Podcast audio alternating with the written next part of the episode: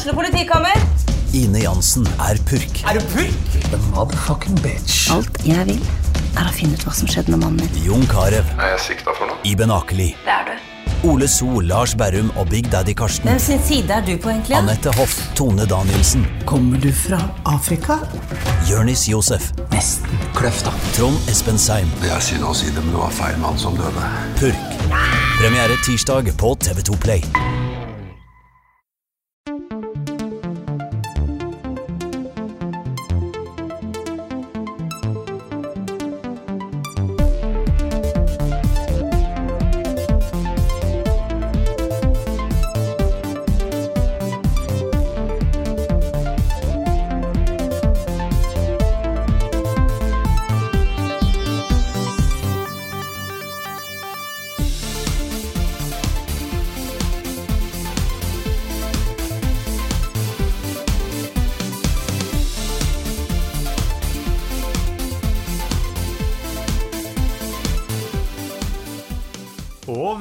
Velkommen til en eksplosiv ny episode av Level Backup. Mitt navn er Carl Martin Oksnes, og i det røde hjørnet har vi mester kingpin-journalist mentor Rune Fjell Olsen.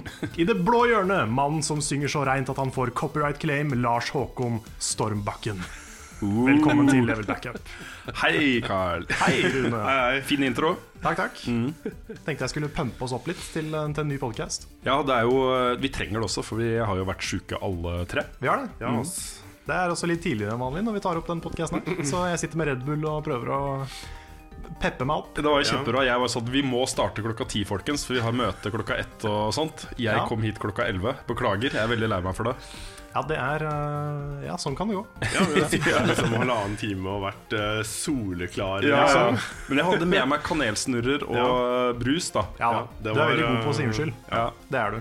Nei, det er Noen uh, morgener blir litt sånn. I dag var jeg litt sånn ekstra sjuk, og ungene var litt ekstra gærne. Og jeg var alene med det, kona stakk på jobb. Så det ble litt uh, Ja.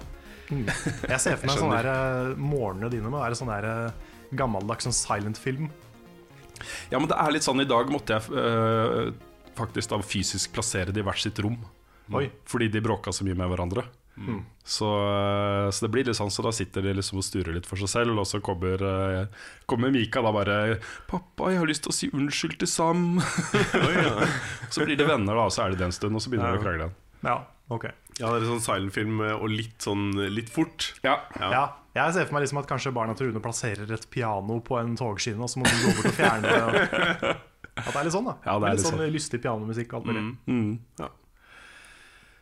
Yes. Yes. Vi, uh, uh, dette blir jo liksom den første podkasten i, i nytt format, hvor øh, vi ikke har gjester, og det er bare oss tre som sitter i sofaen til Carl og koser oss. Første Yes. standardepisoden med bare oss tre. Ja, Og nå er vi på, øh, på RSS i iTunes, der vi lå før. før. Det, var, det var litt fram og tilbake med å få den RSS-en til å funke, men Det det. nå skal den funke. Ja. Ja den, eh, det var ikke bare bare. Vi måtte jo få VG til å redirecte den, eh, den feeden. Fra den VG-feeden til da vår nye Soundcloud-feed. Og det, det tok litt grann eh, tid å få det på plass. Ja, Så det var, det var VG sin skyld. Vi kan skylde på VG. Ja. Nå er det mye lyd fra telefonen min. Unnskyld. Det skal jeg, det skal jeg ordne. Sånn. Ja, Det er ikke bare bare med sånn teknologi, Carl. Det er ikke det. Nei. Nei. Vi må ha, når vi skal gjøre ting her, så må Carl skru av PC-en. Og Ja, det ja. er ikke måte på for å få, liksom, prøve å få litt stillhet i rommet. Mm. Så, Sånn er det når uh, leiligheten er studio. Ja, det er sant. Men skal vi hoppe videre? Vi kan hoppe videre. Mm. Hva har vi spilt i det siste? Eh, jeg har jo spilt øh, mye Far Cry Primal, som vi også streama på onsdag. Det var kjempegøy. Veldig hyggelig. Ja, Det var eh, synd at du ikke fikk se alt du gjorde der, Lars. For det var særlig én scene som jeg ble gjort oppmerksom på etterpå, som ikke hadde sett Ja. på streamen selv, Ja. hvor du ble angrepet av en krokodille. Ja, Ja, som var veldig morsom. det. Og da satt vi liksom og prata om helt andre ting. Ja, Hvis skulle- du kjempet liksom for livet Ja. ditt i vannet. Det var kjempegøy. Altså Jeg prøvde å reagere der òg, men så tenkte jeg sånn, hvis jeg begynner å hyle og skrike, og tjo hei nå, så forstyrrer jeg liksom alt som blir snakket om. Så jeg det kan prøvde å gjøre det litt sånn underholdningsverdiens diskré. del at det hadde vært best. Ja, kanskje. Så ikke, ikke du trenger å holde tilbake neste gang. Nei, jeg følte det bare var litt sånn frekt, men det var sånn eh, Der ble jeg overrasket, ass. Var ute i vannet. Jeg tenkte at ja, det er ikke noe stress å være i vannet, men uh, der tok jeg feil. Ja. Det gjorde du. Men jeg liker spillet. Jeg syns det er kult. Jeg, synes, uh, jeg liker veldig godt det de har fått til med det. Um, Det er sånn, Jeg må nok spille litt til, fordi jeg har en liten mistanke om at det kanskje, eh, etter at liksom den umiddelbare gleden over å være et så fett sted legger seg, at det kan bli litt mye repetisjon. Men eh, det er så mye å gjøre allikevel. Så jeg, jeg har liksom et håp da om at det skal holde seg. Og eh, jeg, jeg syns det er kult. Ja, jeg skulle til å si det at øh, jeg har jo spilt litt lenger enn deg antageligvis For jeg har spilt en del etter streamen. Og det, mm, det blir fort litt følelse av repetisjon Og litt følelse av at de oppdragene du får er litt sånn Om ikke monotone så er de øh, Jeg, jeg vet liksom ikke helt hva jeg driver med. Det er, Men så er det jo litt sånn Hva gjør man i steinalderen liksom? Det er jo det, Drepe dyr og passe på at ikke andre stammer kommer og invaderer deg liksom. Så Ja, nei, Som vi sa på streamen, så har vi jo uh, undersøkt på Wikipedia. Og det var jo sånn, akkurat sånn det var. Ja da. For 10 000, uh, 12 000 år siden. Ja, Mm, det er jo Gjort uh, god research der. Det er helt historisk korrekt, faktisk.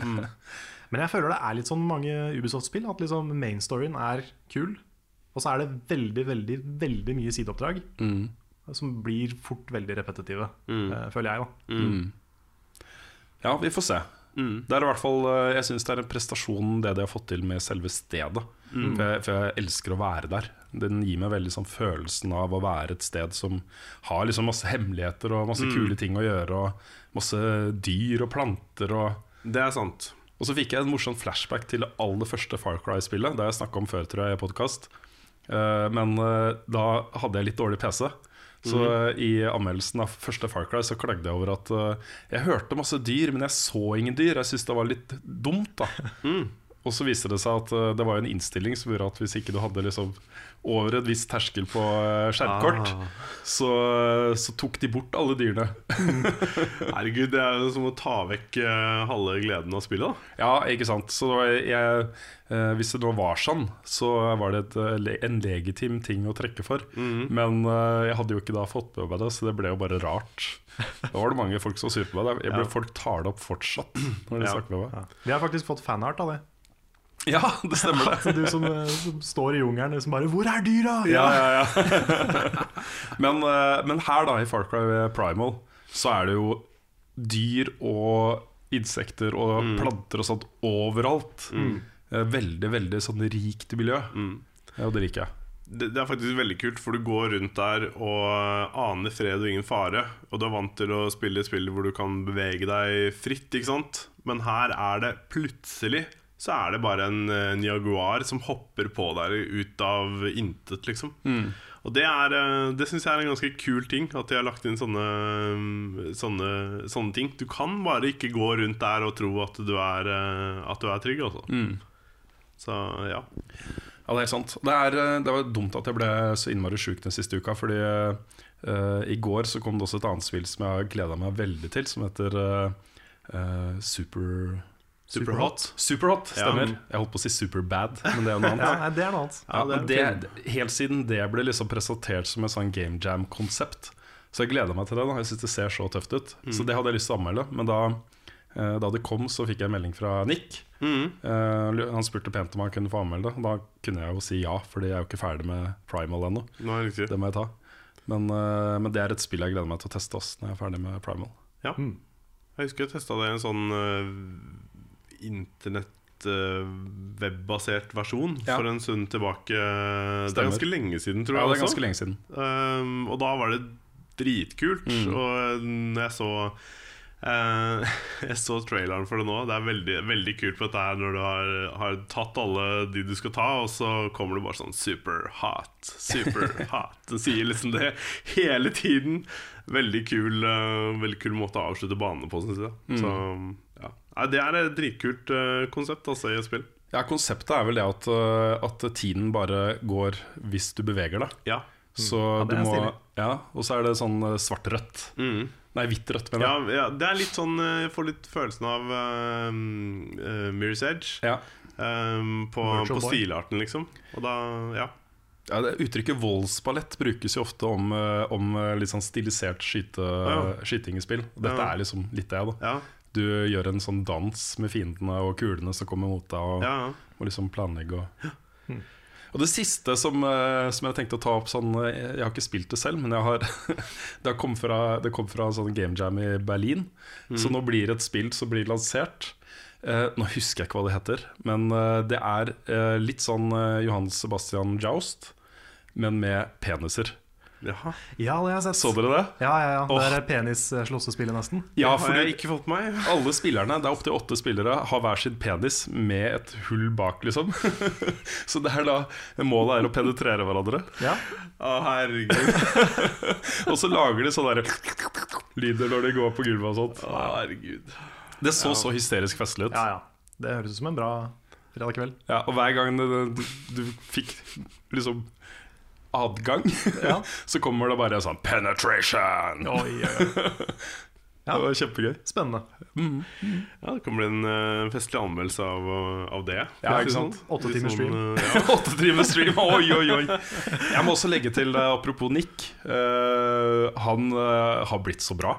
Han har det. Han Eh, har blitt Kjempebra. Han var dritbra den anmeldelsen dere lagde sammen av eh, Firewatch. Og den var konge, eh, den anmeldelsen hans av eh, Street Fighter 5 også. ja, veldig bra. Jeg er helt enig. Dyktig. Fin fyr å ha på laget. Veldig. Hva har dere spilt i det siste? Nei uh, Dere ser på meg, skal jeg begynne? Ja. Begynn, du. Ja. ehm, nei, jeg har jo spilt Vi snakka mye om The Witness i forrige podcast.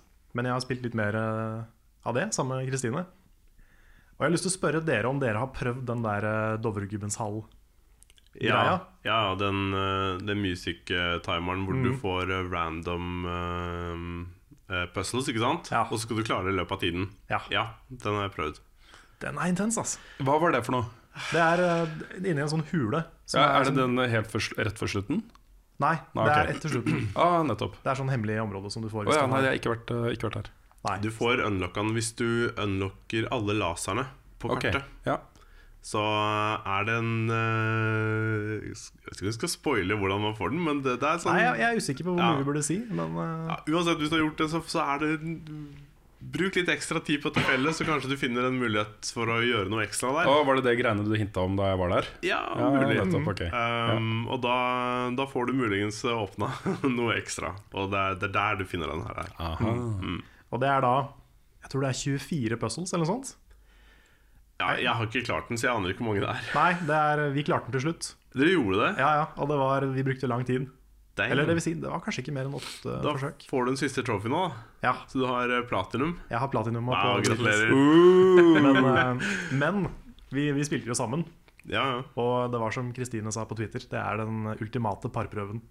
For det er liksom Det starter jo med litt sånn rolig, hyggelig musikk. Husker ikke helt hvilken sang det er i starten. Men så, når du er ca. halvveis, så begynner jo Dovregubbens hall. Mm. Og det fins jo ikke noe verre timermusikk Nei, det er en i eh, verden oh, enn Dovregubbens hall. Og det, det blir at du bare sitter der og skriker. Ikke sant? Ja, men bort der! Der! Og så er det en labyrint ikke sant? som åpner sånne vegger som ikke du ser. Så du løper ut som en gærning og prøver å liksom Ja. finne riktig vei. ja. Det, er, eh, det var helt vilt. Det var sånn designa av en, eh, et, et psykopatisk geni. Er dere fortsatt eh, kjærester? Vi er fortsatt kjærester. Okay. Så vi har, vi har klart det. Og vi klarte trofeen, så nå eh, Men dere klarer å løse, dere klarte å løse den uten stopp? Dere måtte ikke Nei, vi juksa ikke. For det er jo en måte å cheate den der på. Det du kan gjøre er at du kan gå til puzzlen, så kan du ta et bilde av skjermen, og så kan du sette PlayStation i dvale. Det er den eneste måten du kan klare å stoppe den der timeren fra å fortsette å gå. Og så kan du løse puzzlet ved bildet, da. Og så kan du starte den opp igjen og så gjøre puzzlet. Aha. Og Da har du en måte å klare det på kanskje litt mindre frustrerende. Men eh, jeg vil jo tro at det er mye mer interessant å gjøre det på den måten du har gjort det. da Ja, det var faktisk verdt å, å prøve å løse det. Ja, Det er legit. Ja, det, var, det var gøy. Det var intenst, men det var gøy. Mm. Jeg filma litt av det, så vi får se om det kanskje det blir en del av en bakomfilm Ja, det er kult. en dag. Jeg fikk en melding fra en kompis, Anders, som eh, Jeg husker som for utrolig mange år siden så var han fullstendig besatt av Myst. Så jeg har liksom anbefalt uh, The Witness for han. Uh, han spiller jo mye skytespill og har spilt mye World of Tanks og sånne ting. Men jeg tenkte ok, han er programmerer, liksom. Han er matematiker. Uh, han kommer til å kicke på dette her. Så fikk jeg litt meldinger fra han da, om at han har begynt å spille. Og han har fått til masse områder og sånt. Og så spurte jeg liksom ja, har du kommet langt. Har du fått med deg noen sånn miljøpuzzles? Spurte jeg liksom vagt, da. Jeg visste ikke helt hva det var. Og så var det sånn Oh my sweet child, you have so much to see. Ja, ikke sant? Men jeg så, jeg så en halvannen times video med, hvor det var to folk, jeg husker ikke hvem de var, men de intervjua Jonathan Blow mens de spilte The Witness. Oi, Det var en interessant video. Altså. ja, Han prøvde seg også på den der uh, Dovregubbens hall-greia sjøl, Okay. Så um, det kan jeg anbefale å se, faktisk. Ja, det er var kult. uh, 90 minutter well spent. Mm. Jeg syns det er litt morsomt. Nå, nå ser jeg liksom at uh, øh, Jonathan Blow øh, og det, det teamet hans går ut og sier at det har solgt så vanvittig bra, øh, The Witness. Øh, og det samme sier jo teamet bak Firewatch. At nå har de penger til å drive i mange år framover. Det er kult å se at, at små indie-teams med liksom ganske små prosjekter kan få såpass impact i, i dette mediet her og den bransjen her at de genererer penger nok til å fortsette. Og liksom utvikle seg og lage nye ting og osv. videre Det er så viktig for det spillmediet vårt. Jeg er helt enig. Det er, eh, det er kjempekult. For det er jo For min del så er det jo to av de beste spillene jeg har spilt. De, eh, og det kommer fra indie-selskapet, liksom. Ja. Så det er, eh, det, er, det er dødskult. Så er det en veldig fin motvekt til alle, de der, alle de sånn shady tinga som foregår i trippel A-industrien, med mikrotransaksjoner og DLC DLC. og Street Fighter 5 og, Jepp. Pre-kjøp, pre-order. Ja. Ja. Ja, det er helt sant, ass. Men um, jeg har jo også spilt et spill til som jeg la ut en anmeldelse av i dag. Nemlig første episode av Walking Dead Michonne. Mhm. Og uh, var vel ikke sånn overbegeistra for det, egentlig. Har ikke folk gått litt og venta på den første liksom, store nedturen uh, til Telltale? Jo, altså det som er formeren, deres? Det er ikke nødvendigvis en stor nedtur. Nei? Det er bare Det føles bare som enda et spill. Uten at det skiller seg så veldig ut. Mm. Ja, men Det er det som har vært litt faren også, ved å bruke den samme formelen på veldig mange forskjellige konsepter. At På et eller annet tidspunkt så må det jo gå litt tom, tenker jeg. Ja, for det er jo den samme Det er samme engine, det er samme gameplay, det er samme eh, oppskriften som de bruker igjen og igjen og igjen. Jeg syns det funka i Game of Thrones, jeg syns det funka i eh, Wolf of Us, Walking Dead sesong 1 og 2. Jeg har også hørt veldig mye bra greier om øh, Borderland Uh, Ja, er, Tales from the Borderlands. det har er jeg ikke spilt, men jeg har hørt at det er veldig bra. Mm. Men uh, det her bare føltes som liksom enda en historie som ikke klarte å skille seg ut. da Så det var, det var bare mer Telltale. Mm. Og hvis du velger hvilket som helst annet Telltale-spill, så får du kanskje en bedre opplevelse enn det her. da Okay. Så jeg kunne ikke skåle det så høyt, men det, det kan hende det tar seg opp. Det er ikke umulig. Det er bare første episode. Hvor mange episoder er det? Det er bare tre, Ok tror jeg. Ja. Så vi får se. Ja. Ja. Ja, jeg har også spilt uh, Far Cry Primal, selvfølgelig. Men um, jeg har lyst til å snakke om et annet spill jeg har spilt. Og det er uh, et spill som ble kickstarta i sånn desember 2012 eller sånn, tror jeg. Og det er The Last Door. Oh, ja. ja. Det er um, Det er et uh, pek og klikk-basert skrekk-horror-spill. Sånn pikselert, uh, pikselert spill som er med fantastisk musikk og, uh, og puzzles og i det hele tatt. Og det, det klarte å skremme meg, uh, faktisk. Og virker kjempeinteressant. Nå har jeg spilt bare eh, første kapitlet og har eh, kommet halvveis ut i det andre. Står litt fast på noen puzzles eh, der. Men det er, eh, det er fascinerende, altså. Jeg husker jeg spilte et spill for et par år siden som het Home. Som er liksom samme stilen. eh, også litt sånn skrekkelementer. Hvor eh, det er litt sånn postapokalyptisk og veldig sånn stemningsfullt, selv om det er veldig enkelt.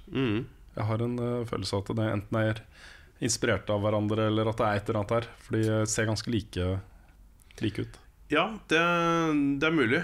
Jeg er bare fascinert hvordan de klarer å gjøre det, gjøre det så creepy og, og, og spennende. Og det er utrolig voksent tema og dystert på veldig mange, måter.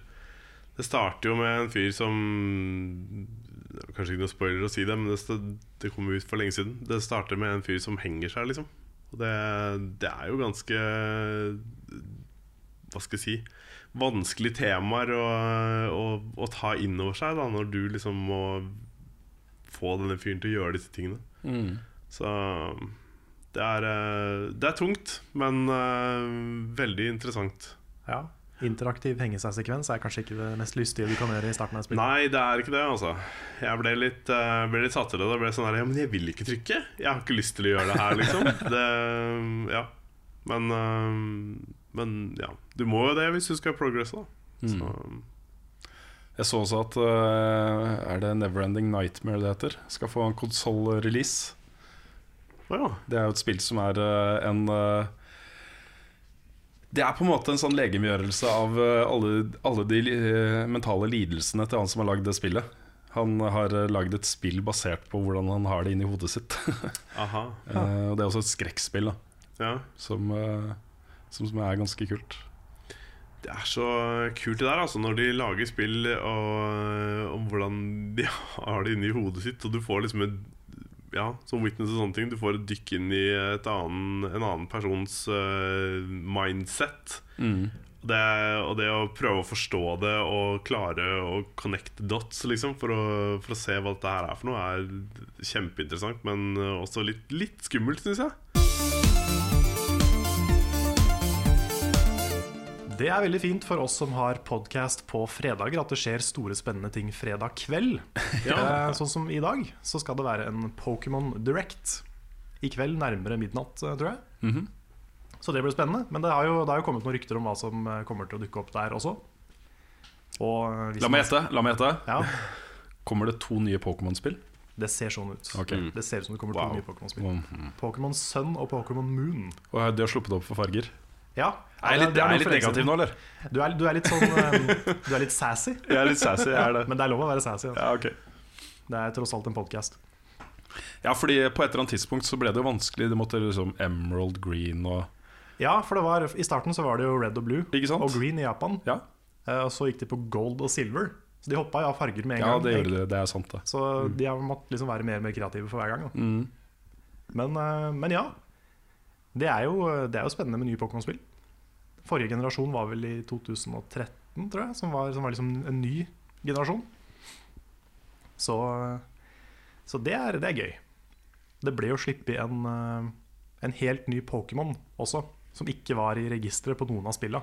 Og det er første gang på mange år. Så det, det hinter jo om at en ny generasjon er på vei. Så det er det mange som er glad for. Kult. Har vi hørt noe mer om Pokémon Go? Nei, det tror jeg ikke. Kanskje de skal snakke litt om det også? Det kan hende. Så kommer jo Pokken Tournament. Kommer også Som er eh, et Pokémon Tekken fighting-spill-type ting. Så det er jo, de har jo mye å snakke om. Ja, det er sant, da. Ja, det kan jo bli The Year of the Pokémon. Det kan det. Som mange andre years er verdt. ja, nei, men eh, det er jo ikke Jeg vet ikke om det er 100% bekrefta at de bildene og de, eh, de tinga som er lekka om Pokémon Sun og Moon, er ekte. Men mye tyder på at de kanskje er det. Det hinter jo om eh, Det pleier å være liksom eh, sånn dual-verdener. Verdener som er parallelle, på en måte. Eh, det hinter jo om liksom dag og natt, Ja. kanskje. ja, jeg er usikker på om det betyr noe, eller om det bare er en sånn naming convention. Ok, Så det var noen som hadde photoshoppa Pokémon RGB og Pokémon Semyk også. ok Så det er også morsomt. Men, eh, men ja. Nei, jeg er veldig spent. Jeg er veldig spent på om de kommer til å se like ut som de forrige to spillene som kom. mm. Det hadde vært morsomt hvis du fikk se Pokémon eh, Cyan og Pokémon Magenta. Ja, jeg tenkte det er jo så mye kule fargenavn. Mm. Mm. Pantone er 137 ja, Sennepsgul, ja. indigo, jeg vet ikke. Altså, det var mye å ta av. Og det er jo så mye fargenavn som er bare helt sånn håpløse. Når du skulle male Bare for å ta noe helt annet Når jeg skulle male rommet mitt, så skulle du finne, finne farger um, i en hvitfarge. Og det, det, heter ikke, det heter jo ikke hvit eller off-white eller Nei, nei, sånne ting lenger. Det heter jo sånn uh, strand, et eller annet, eh, bla, bla, bla. Og, um, og eggeskall og Altså, ja. Så jeg vet ikke. Kunne vært eh, interessant. Ja. Pokémon Eggplant. det hadde jeg kjøpt. Mm. Men, eh, men ja, det er jo det er mye rykter og spekulasjoner. Men har vi noen andre spennende nyheter? Ja, Den morsomste tingen som skjedde forrige uke, var jo eh, morsomt av to grunner. For det første, eh, det ble sluppet en ny trailer fra Uncharted 4 eh, som så kickass ut. Sånn, Gjorde for det? første gang så fikk jeg det derre dette er et spill jeg virkelig har lyst til å spille. Den betaen vi testa, eh, var morsom, liksom, men ikke noe sånn jeg fikk ikke noe superkick av det. Uh, og de trailerne som er sluppet også, og gameplay-demonstrasjonene og sånne ting, er veldig Ja, dette kunne vært henta rett ut fra Uncharted 3. Fikk ikke noe sånn voldsomt voldsomme følelser av det. Okay. Men den nye traileren er veldig sånn story-heavy. Uh, forteller mye om liksom, forholdet mellom Nathan og broren hans. Og, eh, det skal være mye story her, liksom. Man får følelsen av at dette her blir ganske epic. Eh, Men Ganske episk. Ja, Jeg, jeg sier epic. Jeg sier ikke episk, jeg sier epic. Eh, Men i en av scenene så ser du liksom fra kontoret eller fra hjemmet til, eh, til Nathan Drake. Der har han uh, innrammet et bilde på veggen. Og det bildet er fra uh, Assassin's Creed 4. Ja. En strand i Assassin's Creed 4 hvor de hadde photoshoppa bort Det sto da et menneske på den stranda som er photoshoppa bort. da Så det det har blitt er- masse kontroverser rundt det denne uka her. Ja, så det er ikke et uhell, det er noe de har gjort med vilje, eller? Ja, og de har gått ut og beklaga uh, på det aller sterkeste og understreka at de har full, veldig respekt for andres uh, eh, greier, liksom. Eh, men at det har gått litt fort i svingene, og at eh, de ikke har bare fanga det opp før traileren var ute. Så de har gitt ut en ny trailer eh, med et annet bilde. Aha. Så- Denne gangen fra Mass Effect. Ja. Men det, Ja. Kunne du ikke bare liksom kalt det en tribute eller et eller annet til liksom Assassin's Creed? Jeg vet ikke. Jeg tror det, ja, eh, Hvis de hadde gjort det, så hadde det, det hadde vært et kult easter egg. Ja, ikke sant? Men uh, i og med at de har photoshoppa bort elementer fra Ja, bildet, det er det så er det liksom så obvious at det, de har liksom ah, Vi må bare ha et bilde her, og det passer så bra her. Vi må bare, ah, vi bare bruker det. Sannsynligvis har du bare gått på Google eh, Image-søk og tatt et bilde. Ikke visst at det var fra Assassin's Creed 4 engang. Bare tatt Ja. det og så lagt det inn. Ikke sant? Ja. ja for det- De har tatt vekk bare den personen også. Ja. Er det ikke det? Jo. Ja. Det var veldig Men det har skjedd før òg, på nyhetssendinger og sånne ting. Ja da. At uh, amerikanske nyheter har brukt bilder fra Halo, f.eks. Mm. Det, er, eh, det er morsomt, samtidig som det viser hvor, hvor i mange er. Ja, det var en sånn greie jeg så nylig. At det var noen som trodde en scene var ekte. Eh, det er en sånn sniperscene i Medal of Honor. Eh, hvor det var en eller annen nyhetskanal som hadde rapportert det som om det skulle vært eh, ekte, ekte film fra en eller annen krig i Afghanistan eller Jeg vet ikke. Det Jeg var ikke veldig sånn Nei. Jeg, jeg så det jeg tror jeg på Facebook for ikke så lenge siden. Research.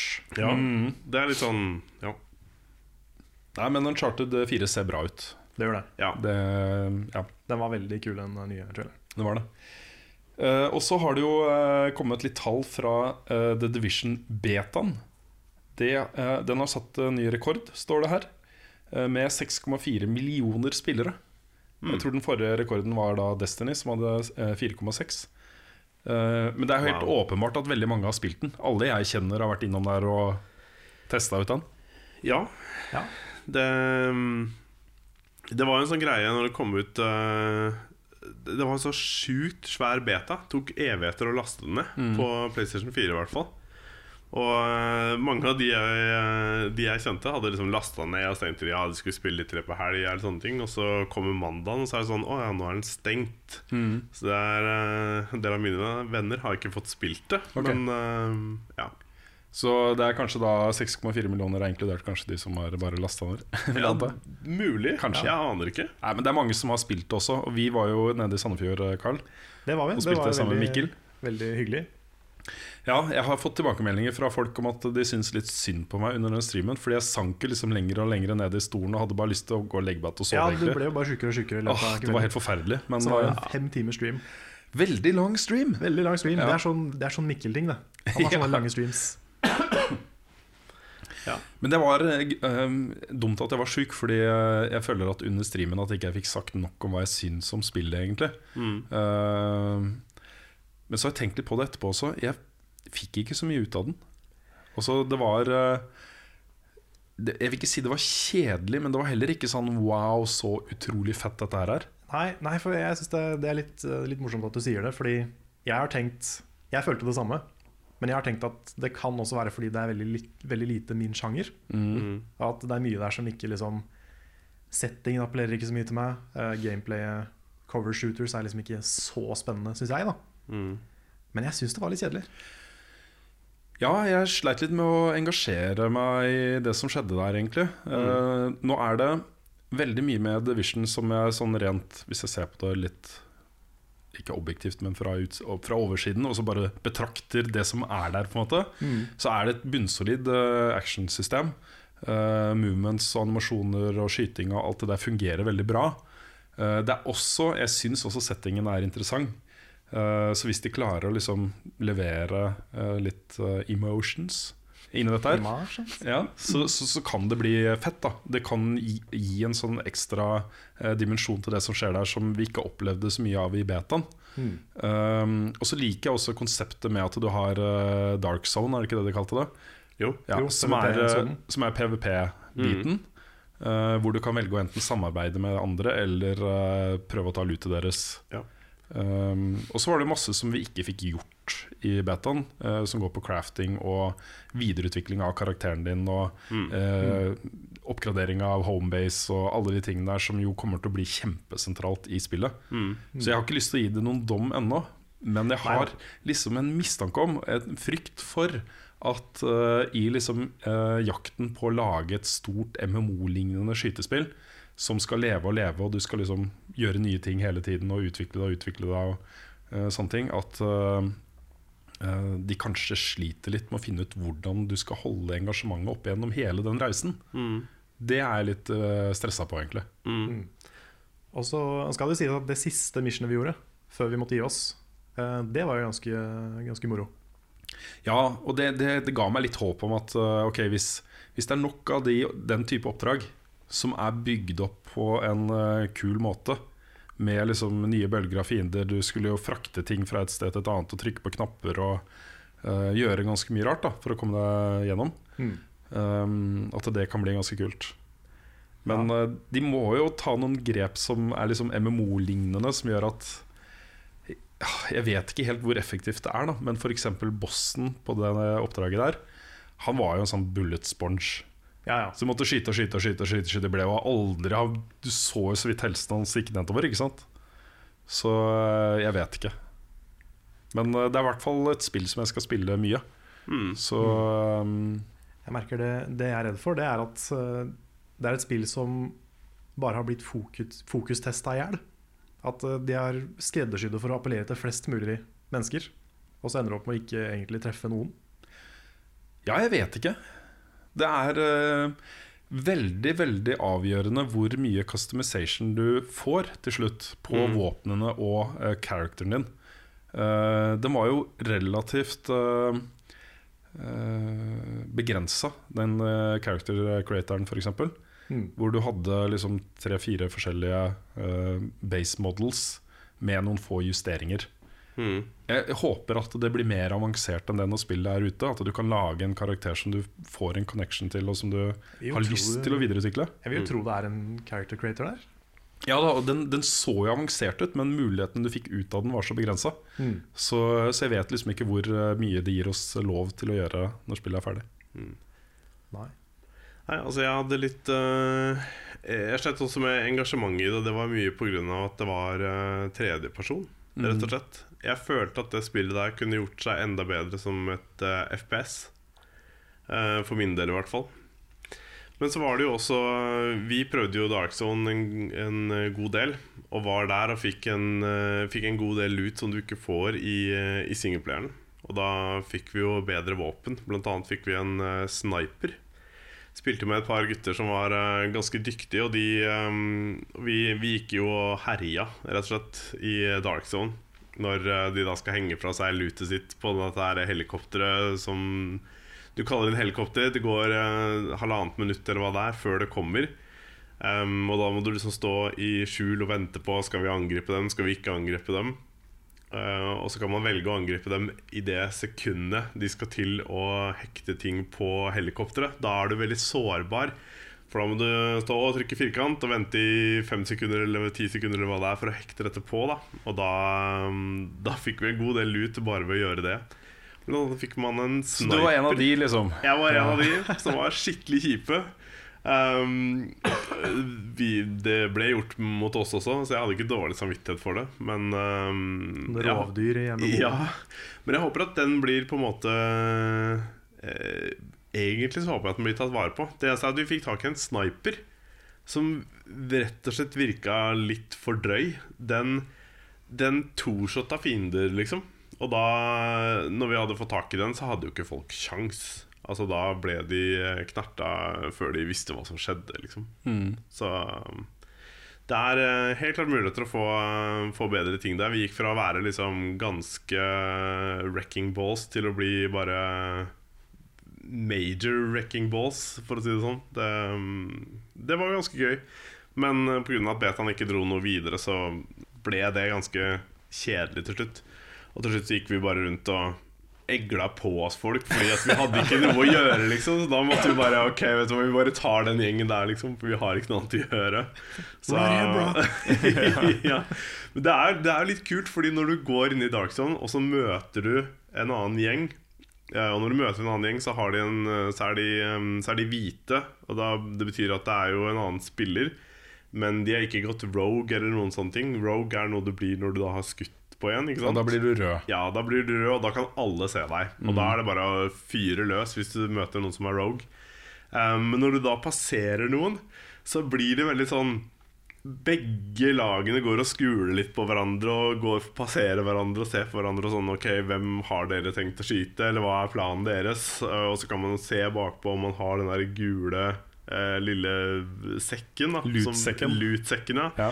Som viser om du har lut. Og da er det sånn Ok, de kan være interessante. Vi venter bitte litt uh, og ser hva som skjer. Prøver å ta dem i et svakt øyeblikk. Og det um, Akkurat det er ganske morsom dynamikk. da ja, det var faktisk det. Jeg, jeg, jeg likte det elementet der. Så hvis det er mye å hente eh, i Dark Zone på den måten, så tror jeg det kan bli en, eh, veldig interessant og kul, eh, kul del av spillet. Altså. Her kommer det til å komme mange kule videoer også, for i tillegg så eh, er jo eh, chatten lagt opp på en sånn måte at når du møter hverandre i Dark Zone, så kan du kommunisere med hverandre. Du kan Ja, snakke med hverandre. Ja, Uh, det Bare tenk deg så mye gøy som kan komme ut av det. Det, jeg, jeg ser for meg litt Ja, sånn absolutt. de, de der uh, Daisy-videoene vi har fått i, fått i level up noen ganger. Mm. Med folk som har liksom tatt hverandre som gisler og, Ja, ja. og sånne ting. det er, det er noe morsomt der. Det er noe gøy.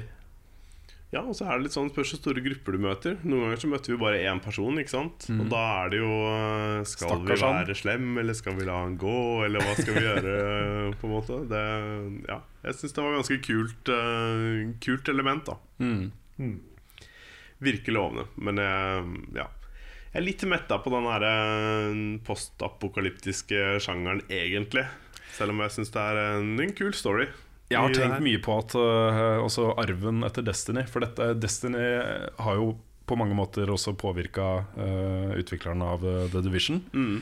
Uh, men arven etter Destiny, det jeg har tenkt mest på som en kul greie, er et Destiny-lignende spill lagt i Borderlands-universet.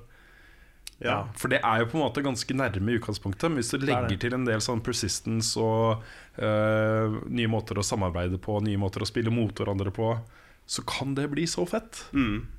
Det ligger så mye der allerede.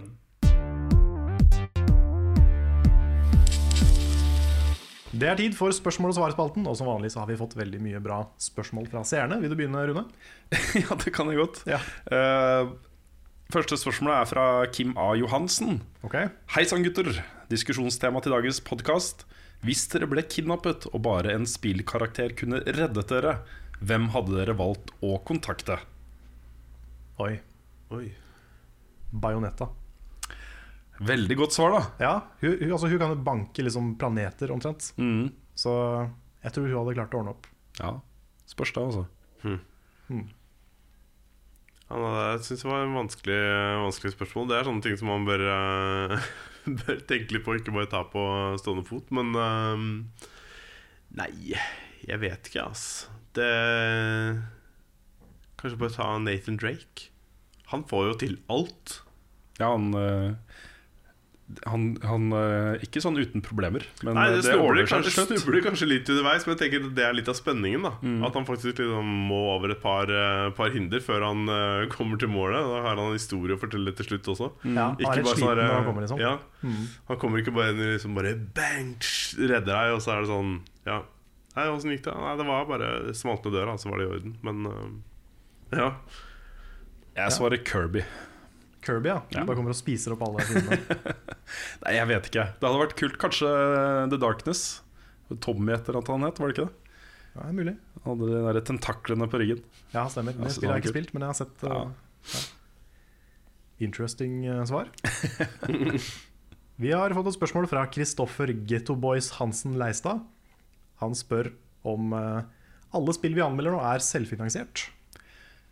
Eh, nei, Ikke alle. det er det ikke. Vi, altså, i, I VG så hadde vi jo et uh, spillbudsjett som vi brukte opp. Vi brukte jo uh, et sted mellom 5000 og 10 000 kroner hver uh, på det budsjettet for å kjøpe spill. I tillegg til alle de tingene vi fikk tilsendt. Så vi håper jo at vi skal slippe å bruke så mye penger av, av de skarve fondene våre til å kjøpe inn spill. Mm. I noen tilfeller så har vi kontakta f.eks. Ubisoft med spørsmål om å få Far Cry Primal. Og det fikk vi. Um, så vi kommer nok til å fortsette med det. Uh, rett og slett fordi hvis vi skal kjøpe alt som kommer ut av spill, så blir det for mye penger. Ja. Men det er vel, vi ligger vel på sånn kanskje 50-50 nå. At uh, vi har kjøpt mye, Ja. men uh, så har vi fått uh, tidligkode på det vi har kunnet. ja. Så eh, vi har i hvert fall ikke noe policy mot å ta imot eh, eh, review-kode fra utgivere. Det, det anser jeg fortsatt, det har alltid ansett som, og anser jeg fortsatt som en, eh, eh, en nødvendighet, rett og slett. Dette er jo ikke eh, spill som jeg føler på en måte går inn i vår personlige samling. Eller som vi, altså vi har aldri solgt spill videre, f.eks. Det vi har gjort noen ganger, er jo å pakke spill i kasser og så gi det til sykehus og sånne ting. Det kan vi jo fortsette, fortsette med å gjøre, men nå er det mye digitale koder, så det blir jo vanskelig. Men i hvert fall, det er eh, eh, Det er en nødvendighet. Sånn er det også med bøker og filmer og musikk og sånt. Hvis man skal ut og kjøpe alt, så det blir for mye penger. Det kommer for mye. Og det handler ikke bare om hva vi anmelder. Hvis vi bare liksom Ok, vi blinker ut akkurat dette spillet skal vi faktisk anmelde, og bare det, men vi skal ikke anmelde det og det og det. og det så, så mister man på en måte muligheten til å bare teste ting og så se kanskje det er faktisk er verdt å anmelde et spill man ikke hadde trodd man skulle anmelde. ikke sant? Så det handler om å ha oversikten, og sånt og det kan man ikke ta seg råd til hvis man skal kjøpe alt selv. Ja, True that. Sånn er det. Sånn er det. Jeg vet ikke Jeg har fått et spørsmål her fra Håkon Brostigen. Han spør eh, hvilke spill dere har brukt flest timer på. Og så ønsker han eh, god helg til alle tre. Tusen takk. Tusen takk. Takk for det. Um, jeg tror det er ganske delt jeg, mellom en eh, tre-fire spill, for min del. Uh, Destiny ligger godt an, men uh, jeg er nok, er nok oppe i hvert fall omtrent samme antall timer i Trackmania og Quake 3 og Half-Life eh, 1. Mm. Så um, det er de De jeg har brukt mest tid på, tror jeg. Ja. Jeg hørte gjennom opptil flere Game of Thrones lydbøker mens jeg spilte Minecraft, så det ligger nok ganske høyt oppe, det. Ellers så kanskje Smash Bros. Melee er veldig høyt oppe. Ja. Ja, jeg tror, eh, For min del så tror jeg Destiny også ligger ganske høyt oppe. Altså. Men eh, jeg tror nok det spillet som definitivt eh, har tatt mest tid, må være Call of Duty eh, 4. Det har jeg brukt mye tid på. Fra det kom ut, og i lang tid i etterkant også. Det var det spillet vi alltid gikk tilbake til å, til å spille. Så jeg vet ikke hvor mange dager det er snakk om, men det er sikkert sånn 50 pluss. Så ja, jeg, vil, jeg, jeg tror det er det som, eh, som topper. Um, Ingve Tjessem har et par spørsmål. Han spør om vi har en ramme for hvor lange podkastepisodene kommer til å bli, eller blir det ganske flytende avhengig av form og innhold. Og han spør også om vi har et bestemt tidspunkt for når episodene skal bli lagt ut. Um, han sier han jobber til ett på fredager, og ingenting er som å runde av dagen med litt spillsnakk før helgen starter. Når man har best tid til litt gaming. Vi kommer nok til å ha ganske faste rammer på dette her etter hvert. Eh, sånn som eh, vi gjør det nå, så sitter vi jo hjemme hos deg, Karl. Det gjør vi. Som vi har gjort med alt felles ting som vi har gjort disse to ukene. Ja, Yes. Eh, vi kommer jo til å få et kontor etter hvert hvor ting kommer til å være ferdig satt opp. Og, og man kan liksom bare gjøre podkasten og så klippe den med en gang, og så publisere den. ikke sant? Eh, sånn som vi skal gjøre det i dag, så skal du ta med det opptaket hjem, Lars. Ja. Eh, du bor jo i hytte i heita. ja det, det er dine ord. Men uh, Alt utenfor Ring 3 hytte i heita. Ja, ikke sant? Det ja. greit. Ja, jeg bor jo en time unna, så Mm. um, ja. Da blir det vel publisert litt senere i dag, tenker jeg. Litt senere i dag. Men målet vårt, vårt syns jeg må være at vi må få den ut før fire på fredager. Eh, det er en sånn uh, Jeg skjønner at uh, folk syns det er ålreit å liksom høre på den i bussen på vei hjem fra jobb eller skole fredag ettermiddag. Mm. godt tidspunkt rett og slett å legge det ut på. Det er sant. Så det er ikke sikkert det skjer i dag, men eh, det er planen. At Ja. vi setter oss ned i 10-11-tiden på fredager, tar opp podkasten og får den ut da så fort som mulig etter det. Ja. Jeg vil jo tippe at eh, lengden kommer til å være litt sånn som i gamle dager. At det er eh, mellom en time og halvannen, som regel. Ja, ja det, det kommer bare til å bli sånn. Fordi når man først setter seg ned og begynner å prate, liksom, så er sant, eh, er det dumt å ha en stoppeklokke som sier nei, nå må vi bare slutte å prate. Ja. Ja, Som en sånn psykologtime liksom, som bare Ja, der var tida ute, nå må vi komme tilbake neste uke og betale mer penger. Ja. Men det vi har snakk om, som nok kommer til å bli noe av, er jo at vi lager litt strammere rammer rundt de uh, pratetingene vi gjør. Det gjelder både podkasten og livestreamen. Hvor uh, man kanskje legger inn litt faste spalter. Uh, kanskje vi skulle bytta på å lage hver vår topp tre-liste, liksom. eh, Hver tredje uke. Eh, gjøre et eller annet. Litt flere spalter, litt mer sånne faste holdepunkter i podkasten. Tror jeg kunne vært uh, kult. Jeg hadde en sånn idé om at jeg skulle uh, ta med noen ting som dere måtte teste og spise hver gang. Men jeg Oi. fant ut at det var ikke så veldig spillrelatert. Men det kunne vært veldig morsomt Ja, å sette reaksjonene deres selv om Gjette kanskje hva det var, eller Jeg vet ikke. Bare sånn Jeg vet ikke helt hva jeg syns om den ideen. Nei, jeg litt, litt, det, er litt, det høres litt ut som å være gjest på Brus eller Bæsj. Ja. Jeg er litt skeptisk til begge deler, kanskje. Men, Ja, ikke sant? ja. Skal Men ja. slippe å spise bæsj, eh, Karl. ja, du, jeg skal det. Ja. Ja, da er jeg kanskje med. Ja. Eh, Nikolai Bakke Svartdal Han spør om vi har en spillfigur som vi føler vi har fått et sterkt forhold til. Ja, opptil flere. Eh, de som betyr mest for meg, er kanskje eh, Snake og Lara Croft. Det er et ganske kjedelig svar. Men eh, de to spillseriene betydde så mye for meg i liksom min oppblomstring av min egen spillinteresse. Så var de så viktige. Det var så sentralt. De snakka så veldig til meg som gamer. Eh, det var på en måte det, de to, også Metal Gear Solid 1 og, og Tomb Raider, de første Tomb Raider-spillene, som eh, gjorde at min lidenskap for spill virkelig, virkelig uh, slo rot. da Før det så hadde det vært mye sånn sporadiske ting. Jeg var ekstremt glad i maratonserien, f.eks. Og uh, Wolfenstein og sånne ting. Uh, men det var mer gøy. Nå ble det noe mer. Så det er ikke sånn at jeg går rundt og anser verken Snake eller Lara Croft som venner eller, eller noe sånt. Men jeg mener de har vært veldig viktige for, eh, for eh, det spillmediet jeg er glad i. Som har tatt opp litt mer sånn voksne ting og vært litt mer mynta på litt eldre spillere. Mm. Ja. Ja. For meg så eh, Kanskje den spillfiguren jeg er mest glad i, er vel Vivi fra Final Fantasy 9. Det er sånn eh, Litt fordi han er så sånn eh, Han er ikke et menneske, men han er veldig menneskelig. Og litt sånn filosofisk liten figur som er veldig veldig ålreit, og som har mange sånne fine hverdagsbetraktninger og sånne ting. Så han ble jeg veldig glad i. Mm. Ja. Ja, jeg um, må vel trekke fram uh, Ellie, Mm. uh, tenker jeg. Altså fra um, The Last of Us. Det er um, Det er en eh, spillfigur jeg knytta meg veldig til. Fordi hun var så alene.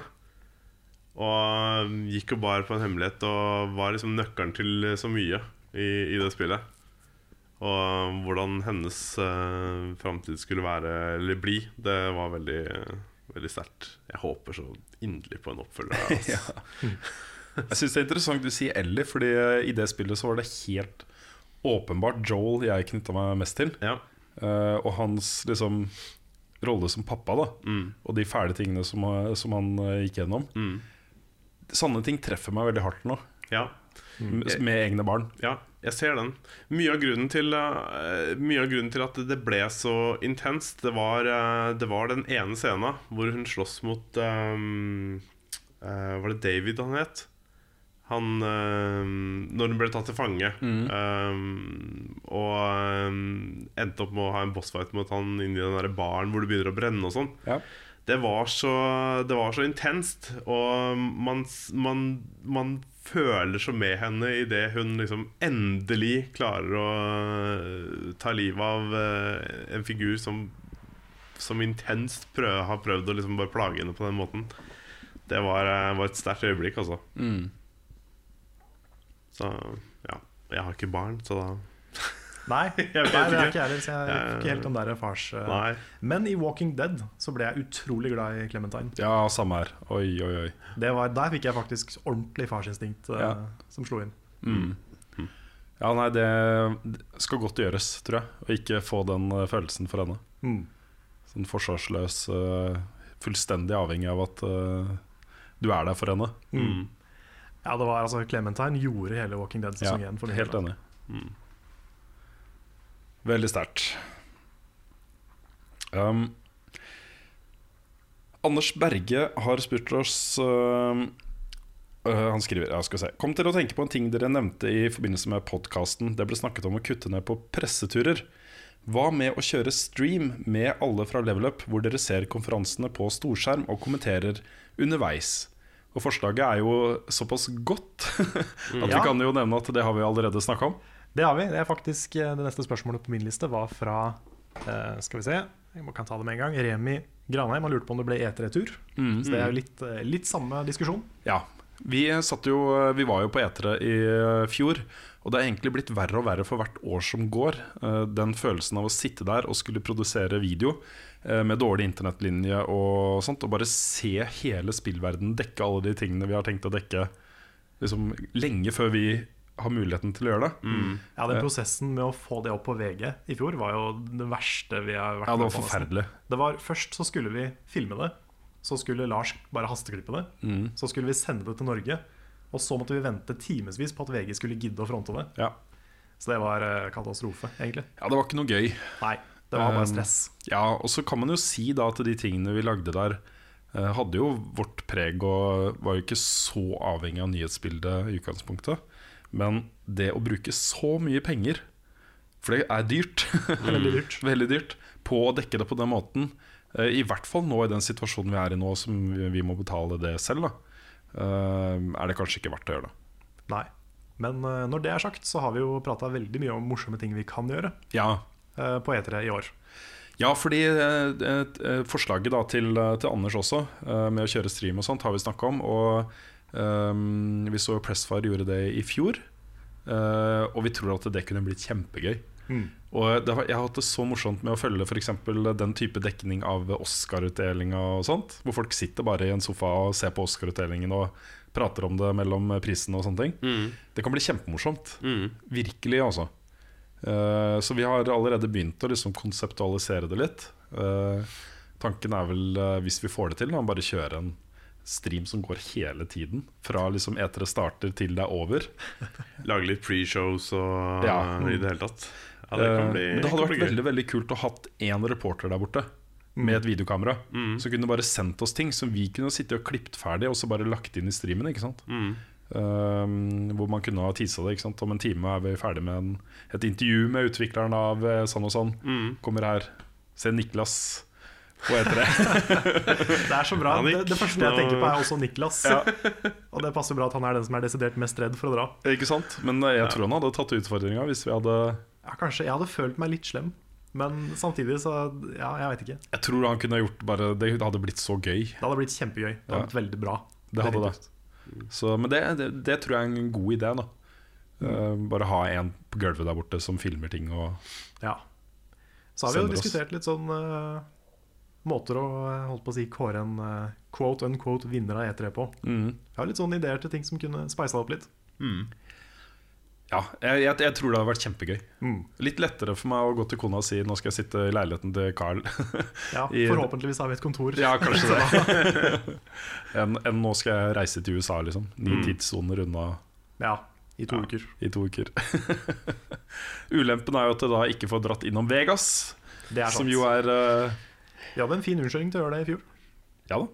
Det var, eh, det var jo billigere å kjøre dit enn å Det, men det er det som er poenget. Hver gang jeg har dratt til USA, så har jeg, og det har vært liksom på vestkysten, så har jeg tatt turen innom Vegas. Fordi det er, gjør, flybillettene blir noen ganger billigere, faktisk. Og det er i hvert fall samme prisen. Det er ikke dyrere å fly via Vegas. Så, og det er billigere å bo der. Hotellene er billigere. Så hvis man først må være der noen dager før, eh, det må man jo gjerne. Det koster litt ekstra penger å bare dra fra søndag til torsdag, f.eks. Det er Ja. ganske dyrt. Um, Så hvorfor ikke Vegas? Nei, det var jo, var jo en koselig, koselig by, da. Var det? Jeg, det var eh, det var varmt som fy. Det var mitt uh, største problem. Men uh, jeg det var, det var mye mer koselig enn jeg trodde. Ja. Det, er for, når man har sett ting derfra, så virker det alltid så kaos og bare sånne Hva heter det? Slotts og hele pakka og gærne folk som flyr rundt. Det var Ja, jo for så vidt det vi- vi, ja, vi så jo litt men, av det, eh, ja. Det var han, eh, folk på sånne privatbiler som kjører rundt i gangene. Og, ja det er mye morsomt med sånne street artists der, ass. ja, ja, han ene nakne fyren Ja. som bare spaserte bortover. ja, man ser litt sånne ting som er litt sånn bare hva? Ja. Men, men. Det er vel en del av showet, da. Det blir jo det. Ja. Jeg kan ta et uh, spørsmål, jeg òg. Kommer fra Hild N. Holmquist. Jeg vet ikke om det skal være Hilde, men uh, ja. Uh, om dere kunne velge en TV-serie å være hovedkarakter i, hvilken serie ville dere valgt? Oi! Oi. ja, altså det er jo mye spennende TV-serier å ta nå. Så Ja, det er veldig mange. Ja. Det var jo ikke så lett, da. Nei. Hmm. Jeg kan i hvert fall gi eh, svaret mitt med en gang. Og det, det, det, det må bli Fargo. Jeg, jeg, den settingen uh, og det som er i den uh, serien der, er helt, uh, helt amazing. Og det å kunne være han litt Altså, han er jo en så uskyldig hovedperson og som virker så snill og hyggelig, og så blir det turn of event som bare gjør han helt uh, Ja. Får han på nye veier. Det, det, det virker litt spennende å kunne, hvis man kunne gjort sånn. Og det ikke var på ordentlig, selvfølgelig. Ja. Jeg at det er en del av dealen her. At, liksom, at man får lov til å oppleve ting som man vanligvis ikke ville opplevd. I så fall måtte det vært en superheltserie. Ja. Jeg kunne hatt superkrefter. Ja, jeg også er der, altså. Ja, det Jeg Flash. sitter og tenker på hvem Ja, Flash hadde vært kult. Ja. Men uh... Eller Heroes, bortsett fra at Heroes har blitt så dårlig. Ja. Men det, det, virker ikke, det virker ganske stress å skulle være Flash. Han, Ja. han har ikke liksom en, det er ikke en enkel jobb. Det er ikke bare moro i det han uh, holder på med der, altså. Nei, men han løper veldig fort, da. Ja, det er det. Ja. Ja. Ja. det er jo kult i seg selv, det. Men Det når du liksom blir øh, Blir den som må redde verden hele tiden, så er det litt sånn her Det, det hviler mye på skuldrene dine. Jeg vet ikke. Kanskje jeg ville bare vært øh, liksom Chandler i Friends. Ja, Bare han, henger han ut og- populære. Ja, så- ja, så bare er henger ut ja, og, Du blir han der Sitter på kafé og- Morsomme karen. ja. Ja. ja, eller liksom Marshall i How I Met Your Mother, eksempel. Mm. Bare liksom henge rundt med folk hele dagen. Ja. Mm. Det virker, Chille, som, liksom. det, det virker ikke som de gjør så mye. Nei, chille, ha det gøy. Ja. Kanskje det er noe der. Kanskje det. Ja. Hvem veit? Skal vi se, Jeg ser det har kommet masse spørsmål til meg direkte her. Jeg vet ikke om jeg skal øh, Jo da, Kjør på. kjør på. Um, det er et spørsmål fra Simen Mostuen Iversen. Uh, han skriver skulle gjerne hørt litt hva Rune syns om det nye Unreal Tournament. Hva synes du om tanken om at produksjonsløpet er community-basert og helt åpent? De har hyppige oppdateringer på YouTube der de forklarer ny funksjonalitet, gå gjennom design, maps osv. Uh, Unreal Tournament har vært en av de spillene der jeg har fått mest glede av community, i form av modding, mapping osv. Vet at Rune var Quake-fan, men Unreal Tournament er jo ikke langt unna, og UT4 ser meget lekkert ut. Jeg har ikke fulgt med på utviklingen der, fordi den starta jo med en sånn veldig open source. De gikk ut i hele Unreal Engine community og sa liksom 'hjelp oss', bidra med ideer og sånne ting, og så har det vokst ut fra det. Jeg vet ikke engang om er det en release ut av det spillet som man kan spille. Jeg vet ikke. Unreal Tournament har aldri vært noe for meg. Jeg har aldri vært borti. Jeg var så glad i Unreal Tournament. Jeg husker jo Da Unreal Tournament kom, så kom det jo omtrent samtidig med Quake 3. Uh, og jeg, end- jeg ga jo faktisk Unreal Tournament eh, en, en sekser, og Quake 3 en femmer. Eh, og så ble det kanskje av tilfeldigheter Quake 3 som jeg fortsatte å spille. Så, eh, så jeg har spilt eh, Quake mye mer enn Unreal Tournament. Men Jesus Christ, det var bra, altså. Utrolig kule maps, utrolig kule våpen. Utrolig kule måter å spille på, rett og slett. Så det er jo en serie som er utgangspunktet Som er veldig min gate. Da. Mm. Og jeg vet ikke. Jeg tror kanskje Unreal Tournament 4 starta litt som sånn Nå er det så mange flinke folk som har slutta i Epic Games, så vi klarer ikke å lage dette her dritbra selv. Vi trenger hjelp. Mm. Og så har det blitt en veldig fin greie ut av det. Hvor folk faktisk har følt seg som eierskap til produktet og, og sånt. Så jeg tror nok det er noe der. Ja. Jeg har faktisk laga maps i Unreal Tournament. Du har det, ja? Ja, på Kult. skolen så hadde vi, eller på, på spilldesignskolen så hadde vi level design Mm. et år. Og da lagde vi Unreal Maps. Hvordan uh, så de ut? Nei, en av de var en kjempestor Rubiks kube. Som uh, jeg tenkte det er en kreativ ting som ikke tar lang tid å lage. Og det var ingen av delene. Det jeg brukte sikkert dag og natt en uke på å gjøre den, gjøre den ordentlig.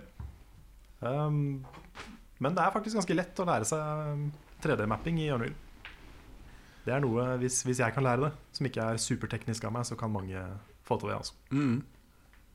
Så lagde jeg en sånn svær Så svært vinterlandskap som tok fem minutter å spille gjennom, tror jeg. Hvor man liksom hoppa rundt på sånne jumping pads for å komme til uh, noen statuer, og så var en av dem fake, og det var masse tull. Så jeg hadde noen uh, stolte kreasjoner i eh, Unreal. Ja, vet du hva, Jeg må sette meg litt inn i hvor, hvor i prosessen det spillet er. Fordi jeg gleder meg Og Det kommer jo mye sånn arenabaserte skytterspill nå. Doom, for eksempel. Mm. Eh, også det nye spillet til Cliff Blesinski, som jeg ikke husker hva heter i farta, men som også ser råbra ut. Det het Hva er det det um, Det har jeg også fått med meg, for det tror jeg nylig jeg så noe greier om. Men, Ja, vi hadde om det i en eh, episode av Level Up, faktisk. Ja, eh, men eh, Nei, det står helt stille for meg hva det heter. Eh, Det er noe sånn Deal Breakers eller uh, Fun Killers eller uh, noe sånn kort, snappy et eller annet. Ja, sikkert. Ja. Jeg kan jo prøve å Ta en kjapp google på ja, det. Liksom. kan, jo, kan jo det. Ja. Skal vi se. Da googler jeg. Cliff Real life googling her. Ja, L- Det er aldri for seint å sjekke. New game. Skal vi se. Uh, ja, nå har vi, ja. Lawbreakers. Lawbreakers. Ah, riktig. Han har jo uh, laga et selskap som heter Boss Key Productions eller noe sånt. Mm. Uh, ja, Lawbreakers heter det. Mm. Og det, var jo, det er jo basically Unreal Tournament med en, del nye fiffige detaljer. Mm. Uh, det ser kjempekult ut. Da føler jeg snart alle spill-items har blitt selskapsnavn. Eller eh, Du har liksom Boss Key, du har Secret Chest, du har uh, Normal Boots. Mm. har er snart ikke noen flere items igjen. Hva gjør vi da? Si det. Skal vi starte Ice Rod? Eller Fire Rod Productions. Ja, ja. Health Pack. Health Pack, ja, det er ikke sånn. Ja. Power Glove, det er noe som heter. Mm. Jeg vet ikke om eh, Altså, Jonas Heitmann eh, lurer på om noen av dere spiller Final Fantasy 14. Og i så fall hvilken klasse hva dere synes om eh, spillet. Og det var jo eh, Ja, Det er ingen av oss som spiller Final Fantasy Nei, 19. det, Ingen- ingen gjør det. Nei. Bortsett fra Lars og meg. Ja, Ja, bortsett fra, bortsett fra dere, da. Ja, ja. Så ingen, med andre ord. Nei. Ja. Nei, vi, jeg spiller det mye nå. Mm. Spiller jo på den europeiske Lish-serveren. ja. Og eh, jeg liker det veldig godt. Syns det er gøy. Det er mye, det er mye grinding, som det er i mange MMO-er. Ja. Ja jeg syns det har blitt ganske tungt nå i det siste. Mm. Uh, nå er det en stund siden jeg har vært inne. Jeg må legge inn uh, Jeg har ikke lagt inn den der fantastiske koden jeg presterte å kjøpe, som ga meg sånn eh, livstid med måneder. Holdt jeg på å si Det var ikke så mye, men det var bare Jeg kjøpte jo feil når jeg skulle kjøpe spillet første gangen, så jeg kjøpte bare, bare tilgang for å spille online i sånn x antall måneder. Ja, den har jeg ikke fått lagt inn, men jeg må få gjort det. Så vi kan få spilt litt eh, Hva heter det for noe? Raid. Mm.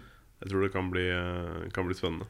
Ja, vi begynner jo nå for første gang på, eh, på veldig lenge å nærme oss noe som har åtteplayer raids. Mm. Så det kan bli spennende. Ja, det hadde vært kjempegøy. ass Absolutt. Morsomt å se det i forhold til Destiny, f.eks. Jeg har aldri vært inne i en sånn type MMO-setting før.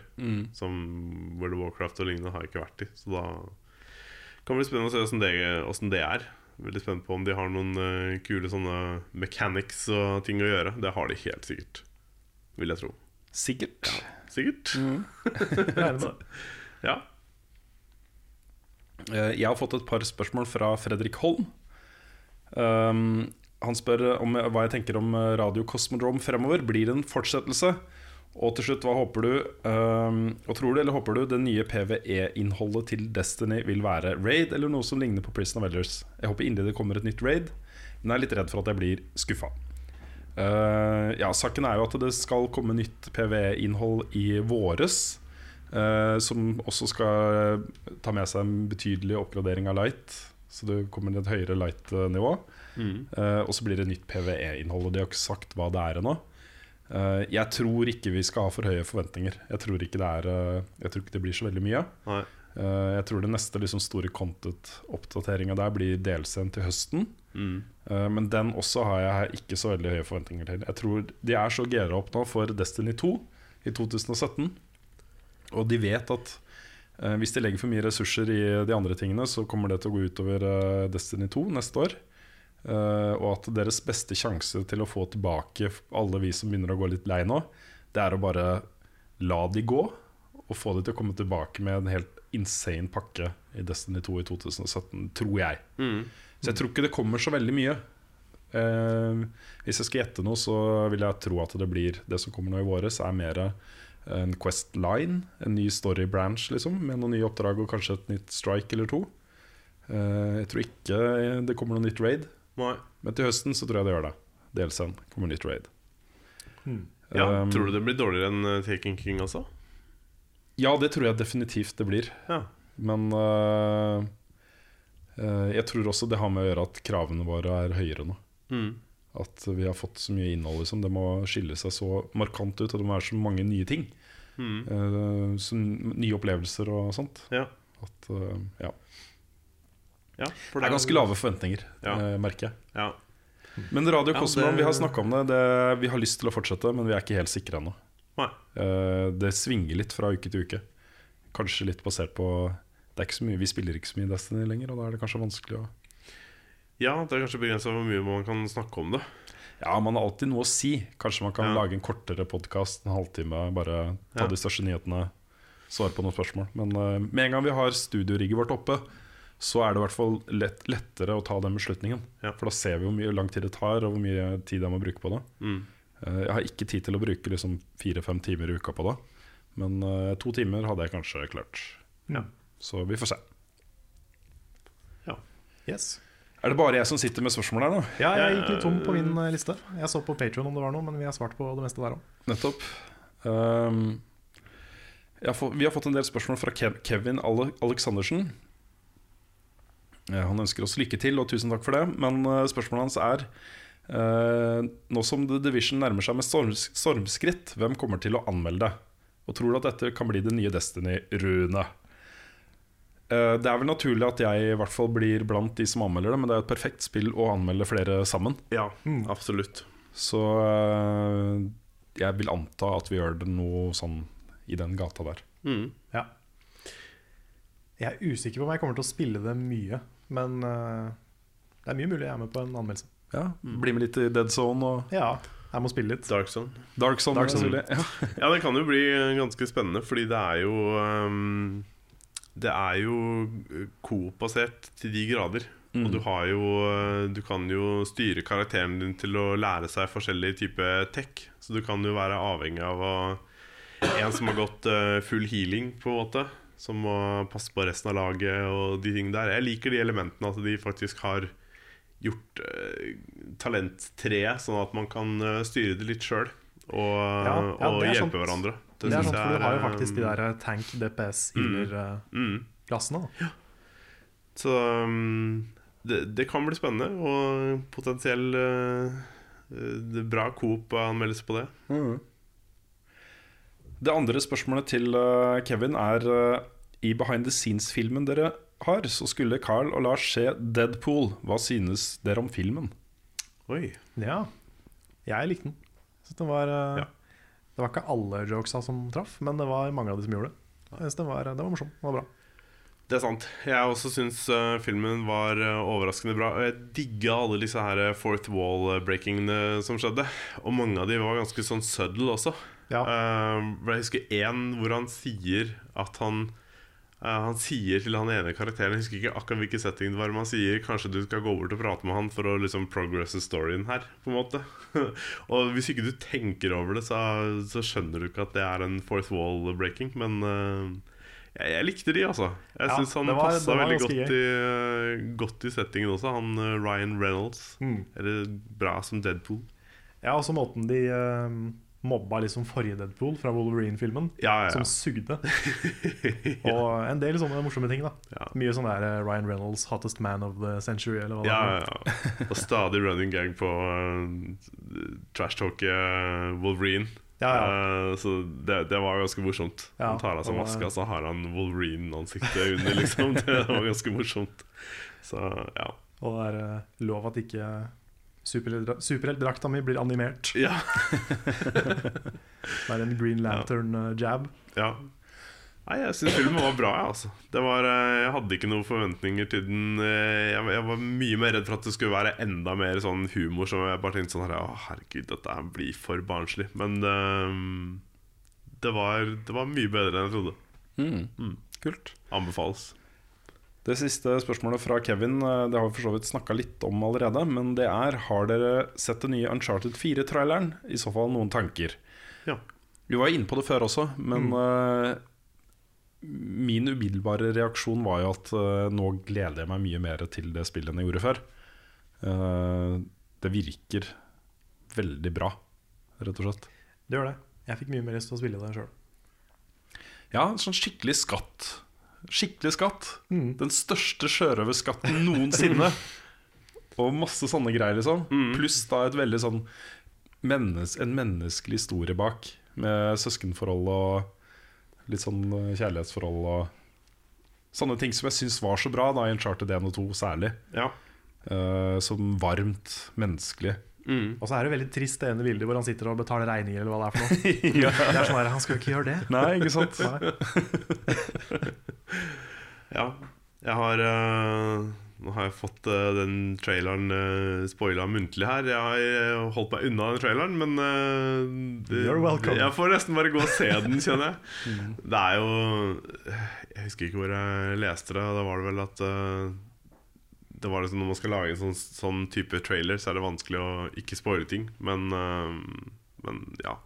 Nei, jeg bare gleder meg som en unge altså, til Uncharted. Jeg elsker alle de forrige spillene. Jeg synes det er uh, Det er så bra voicing og dialog i de spillene som bærer de uh, karakterene så sykt bra.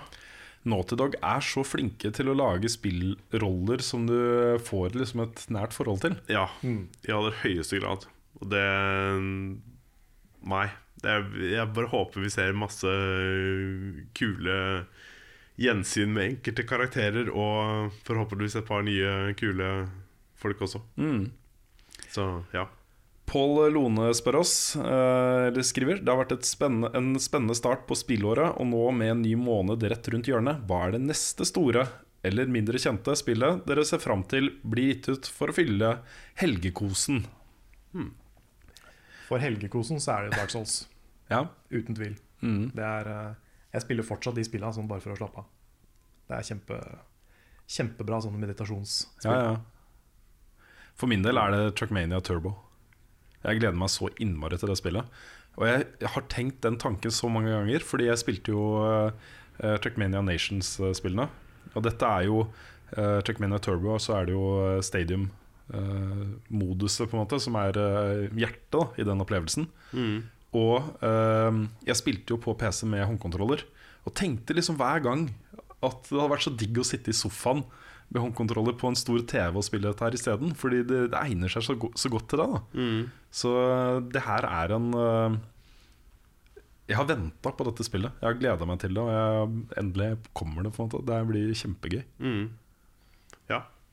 Ja nei, jeg, jeg aner ikke hva jeg skal fylle Helge Kosen med altså framover. Det er Personlig så um, Så det, er, det er ingen spill jeg ser frem til som jeg kan eh, antageligvis spille gjentatte ganger.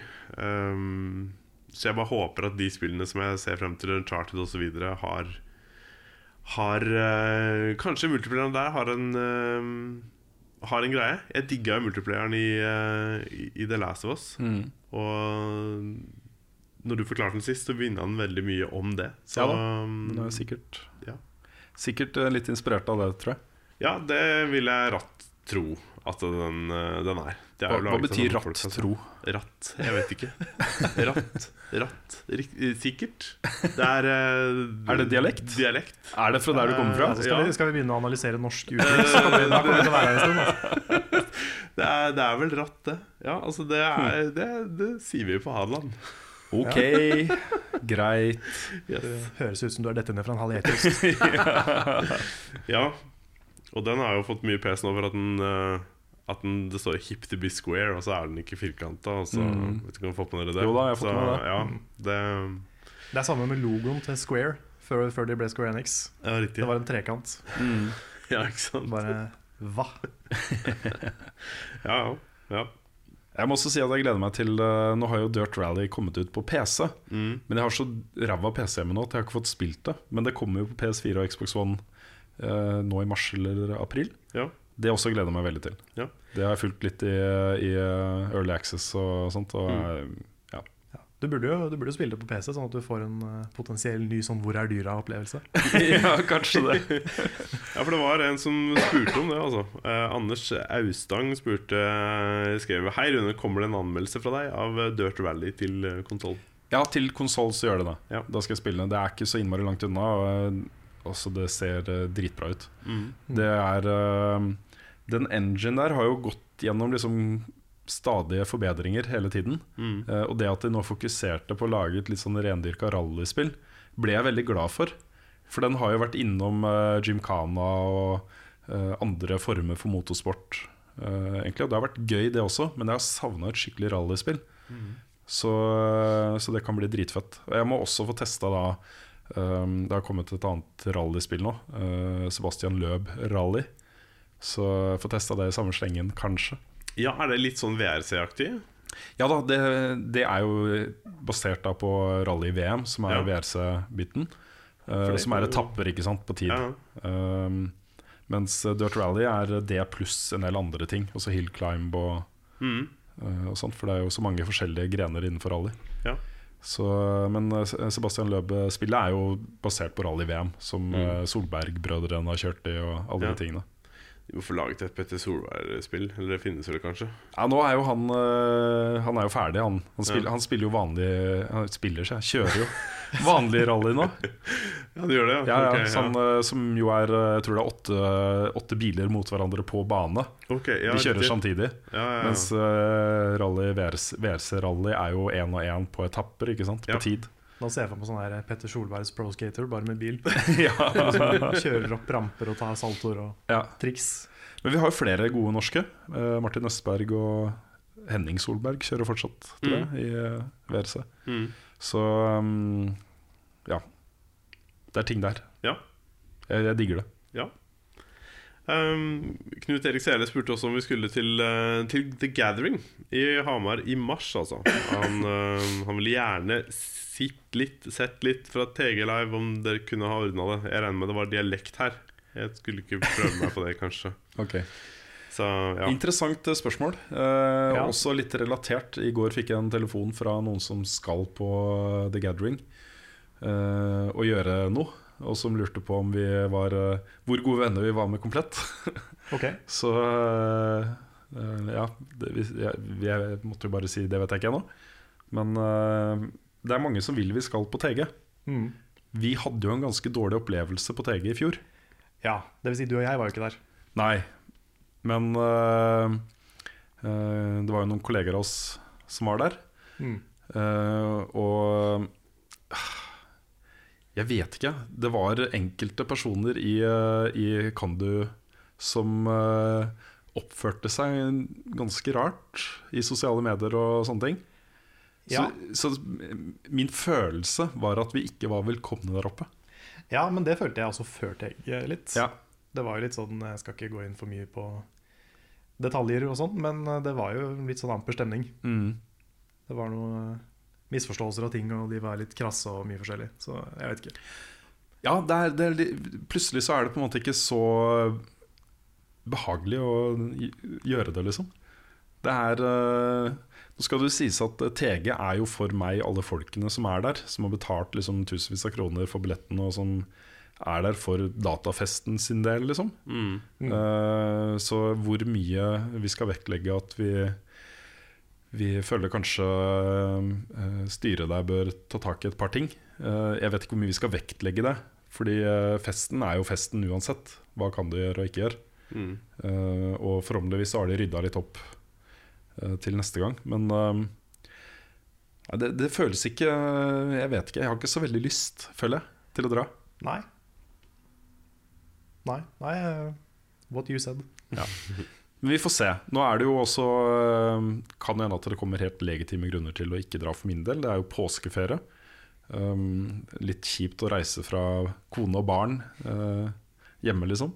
Mm. Så, um, så kanskje. Men uh, Ja, så er det mulig at vi gjør det sånn som i fjor, at hvis noen i Level Up-relasjonen skal dit, så kan de jo ta med seg et kamera og gjøre en ut av det. selvsagt. Har du uh, tenkt å dra? Jeg hadde ikke noen sånne umiddelbare planer om å dra dit i år, nei. Nei? Det hadde jeg ikke. Men det kunne jo kanskje vært interessant å dra opp dit eh, en dag og, og sjekke litt stemninga. Det er eh, altså det sosiale Mm. Litt. Ja, synge litt, ja. Ja. Eh, altså Den sosiale biten der er jo utrolig kul. Det er eh, Der møtes Hva skal man si nerdene. Det er jo Mm. nerdefest. Så um, ja, jeg syns den biten er veldig, veldig koselig og bra. Altså. Mm. Så fokusere litt på det, kanskje. Jeg vet ikke. Ja. Mm. skal det jo også sies at det innslaget som ble laga av ikke av oss, men av VGTV i fjor, uh, var jo kanskje ikke det mest heldige innslaget VGTV har laga heller. Nei, det var jo ikke det. Det var ikke det. Nei.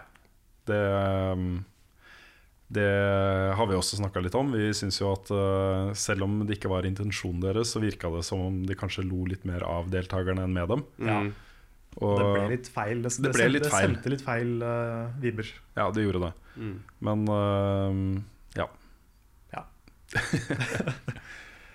det var litt kleint, rett og slett. Vi har fått et spørsmål fra Sigmund Tofte. Han skriver den 21. februar i år var dagen The Legend of Zelda ble lansert på NES for første gang i Japan. Som var for 30 år siden. Hei. Ja. For å feire litt så lurer jeg på uh, hva har vært det ultimate Zelda-minnet for dere? Oi. Altså ikke det ultimate spillet, men det ultimate minnet. Ja. Den er verre å svare på. Det er liksom sånn veldig mange Zelda-opplevelser eh, Når man tenker tilbake på den måten, så kommer det sånne bilder i hodet. Det første jeg fikk, var eh, egentlig å bare seile på sjøen i Windwaker. Eh, musikken, stemningen. Eh, Nærma seg en øy som de ikke hadde vært på før. Litt den derre forventningen av å være på sjøen. De rolige øyeblikkene. Mm. Ja. Ja, ja. Jeg tror for meg så er det litt sånn rundt Hvis det er lov å si det, litt sånn rundt Zelda. Ikke kanskje i sjølve spillet, men det var når eh, Norwegian hadde kommet ut med Twilight Princess som launch-title. og jeg fikk en telefon fra faren min, som, eh, for jeg var hjemme i, eh, i jula, vel? Det var vel rundt jul den ble annonsert? Nei, jeg ble lansert. Ja, det husker jeg ikke helt, men Jeg tror det var rundt jul, i hvert fall. Og ellers var det tidlig i januar, men uansett. Så fikk jeg en telefon fra faren min om at han hadde vært eh, rundt i Danmark. For han var i Danmark med jobben. Og jeg sa liksom hvis du finner en Wii Det, jo, det fantes jo ikke Wiier, for det var utsolgt overalt. Så eh, hvis du kan legge ut, så kjøper jeg en Wii, liksom. Og så får jeg en telefon om at liksom han hadde vært i sikkert 15 butikker. Og så den siste butikken han var i, så var det en eh, dansk mann som eh, hadde kommet bort og sagt altså, Ja, vet du hva, vi har én. og og liksom, de, de hadde fått én inn da på lager akkurat da. Oi, Og den fikk pappa kjøpt. oi, oi, For oi. meg. Så den gleden Ja. når jeg da fikk liksom en Wii med Wii Sports og eh, Zelda, det var, det var good shit. Mm. Det var sånn eh, skikkelig bra, bra gamingminne. Ja, sikkert. Har du et, eh, Lars? Zelda har liksom aldri vært en serie jeg har uh, spilt noe særlig. Så eh, takk for at du dro fram det. Men uh, prøvde å snike meg litt forsiktig ut her og bare ikke si noe, ikke si noe. Men eh, nei, jeg har jo spilt litt uh, Wind Waker. Det, jo, det var definitivt et øyeblikk der som jeg syntes var litt sånn interessante. Men eh, hvor spesielt det var. Det var irritert meg litt over disse her kidsa jeg møtte i den her byen. Ja, de snørrkidsa. Uh, ja, ja, ja. Ja. Som var skikkelig sånn eh, De var skikkelig brats. Det var vel kanskje det jeg husker mest. Bare, sånn, de irriterte meg, husker jeg. Ja. Så ja. Ja Men det er, det er én del i Twilight Princess som jeg husker veldig godt. Og det er hele den sekvensen med først at du snowboarder ned den bakken med han svære yeti-fyren. Og den der, det svære slott, eller ikke slottet, men den svære mansion, som er neste tempel, på en måte. Eh, Og så den bossen, som, eh, som er en del av den lille historien da, mellom de to med yeti-figurene. Hele den eh, sekvensen synes jeg er kjempebra. Mm. Kanskje favorittdelen min av et Zelda-spill. Kult, kult. Eh, Johan Kroken spør oss eh, hvordan er deres nye hverdag, og trives dere i den? Begynner dere å få på plass alt det praktiske med nytt selskap og det som hører til der? Ellers veldig hyggelig at det tilsynelatende går så bra. Stå på. Eh, jeg føler jo at ting er skikkelig på halv tolv. Vi har jo ikke etablert selskapet, vi har ikke liksom hatt stiftelsesmøte. Nei. Det er så mange sånne ting vi ikke har gjort. Vi vet ikke hvor vi skal ha kontorer. Nei, det er, det er mye vi er i gang med. Mm. Vi har jo vært i banken og vi har jo prata med mange forskjellige mennesker om mange forskjellige ting. Jepp. Eh, men det er fortsatt mye som eh, må på plass. Ja, så eh, jeg håper at det skjer snart. Jeg føler vi trenger et sted å sitte, og jeg har lyst til å bare ha etablert det selskapet og vite hvordan vi skal sette av penger til moms og sånne ting. Liksom jeg, det, det plager meg litt at Ja. det er eh, ikke på plass. Ja, det, det blir et stressmoment. Ja, det er det. Kjempe. Og så har vi jo vært sjuke og sånn i tillegg, så det har vært eh, Akkurat den biten er litt tøff. Mm. Men utenom det så er det jo kjempe, kjempe, kjempebra. Ja, fordi vi føler jo den derre friheten eh, vi har nå, til å bare lage ting vi har lyst til å lage, og sånne ting, den føler vi på kroppen hver eneste dag. Mm. Og det er så deilig. Det er så bra, altså. Ja, det er det.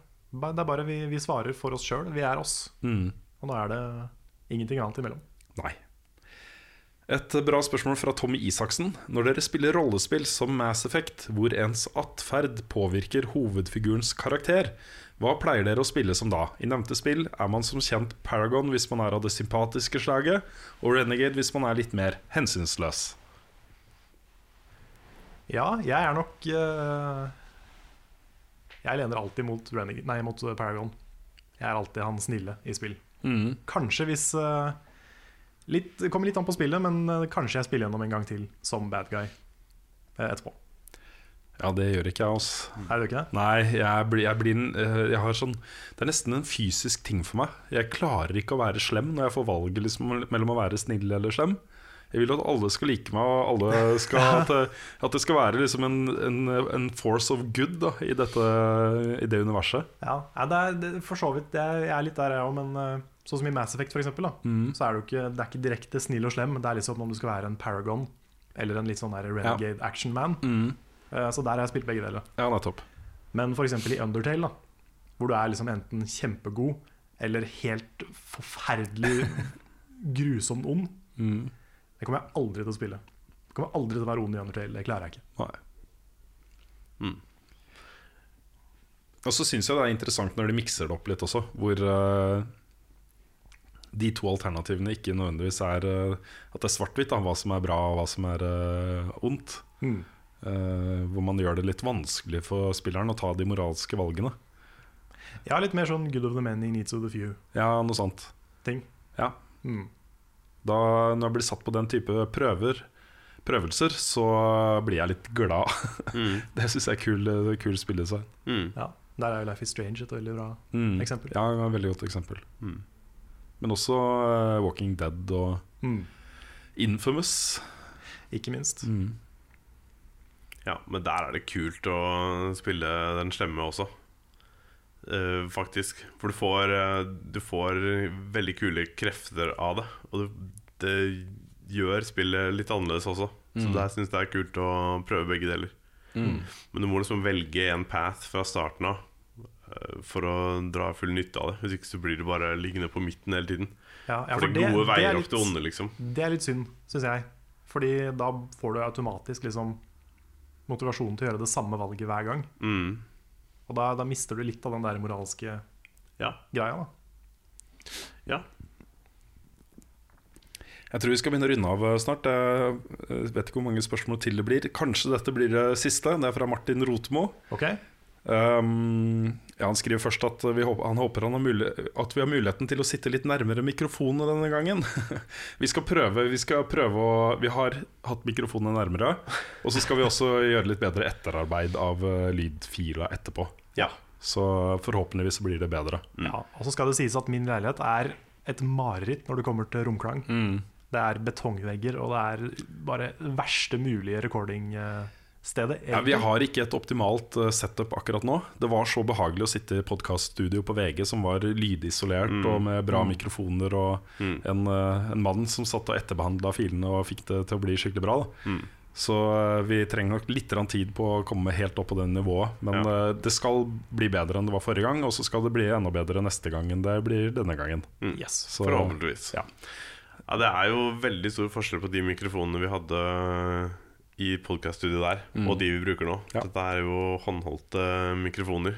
Så um, Som fungerer litt uh, annerledes. Og de mikrofonene på VG De er både kostbare og um, når det er lydtett, så det gjør mye for lyden, altså.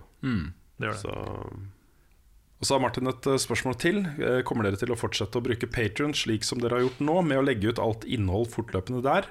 Jeg synes at det fungerer bra og får bedre oversikt der enn YouTube eller Facebook. Og ja, det kommer vi til. Ja, Hver gang vi har nytt innhold, så legger vi ut link til det der. det, det kan være. Det er, øh, øh, det er en bra ting. Mm.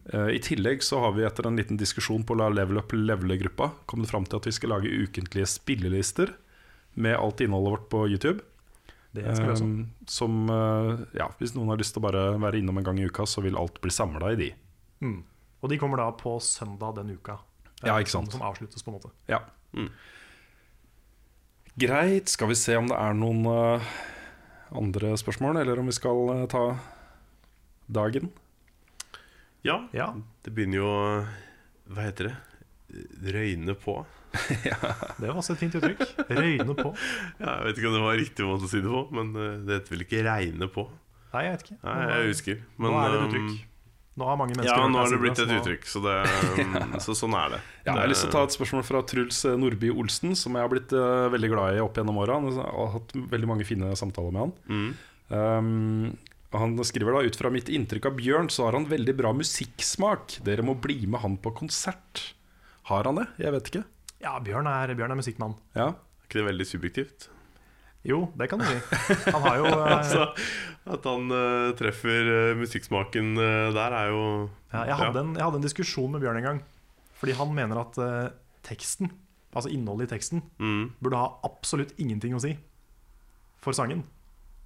Og der er ikke jeg enig. Men. Bjørn er liksom 100% på det musikalske. da Ja, Og det er det som skal bety noe. ja.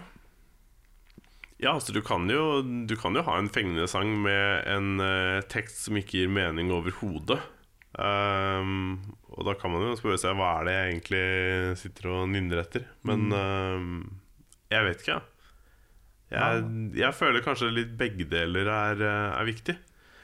For hvis du synger en eh, Hvis du har en veldig trist sang, og så er teksten eh, skikkelig oppstemt og glad, liksom, så gir jo ikke det mening.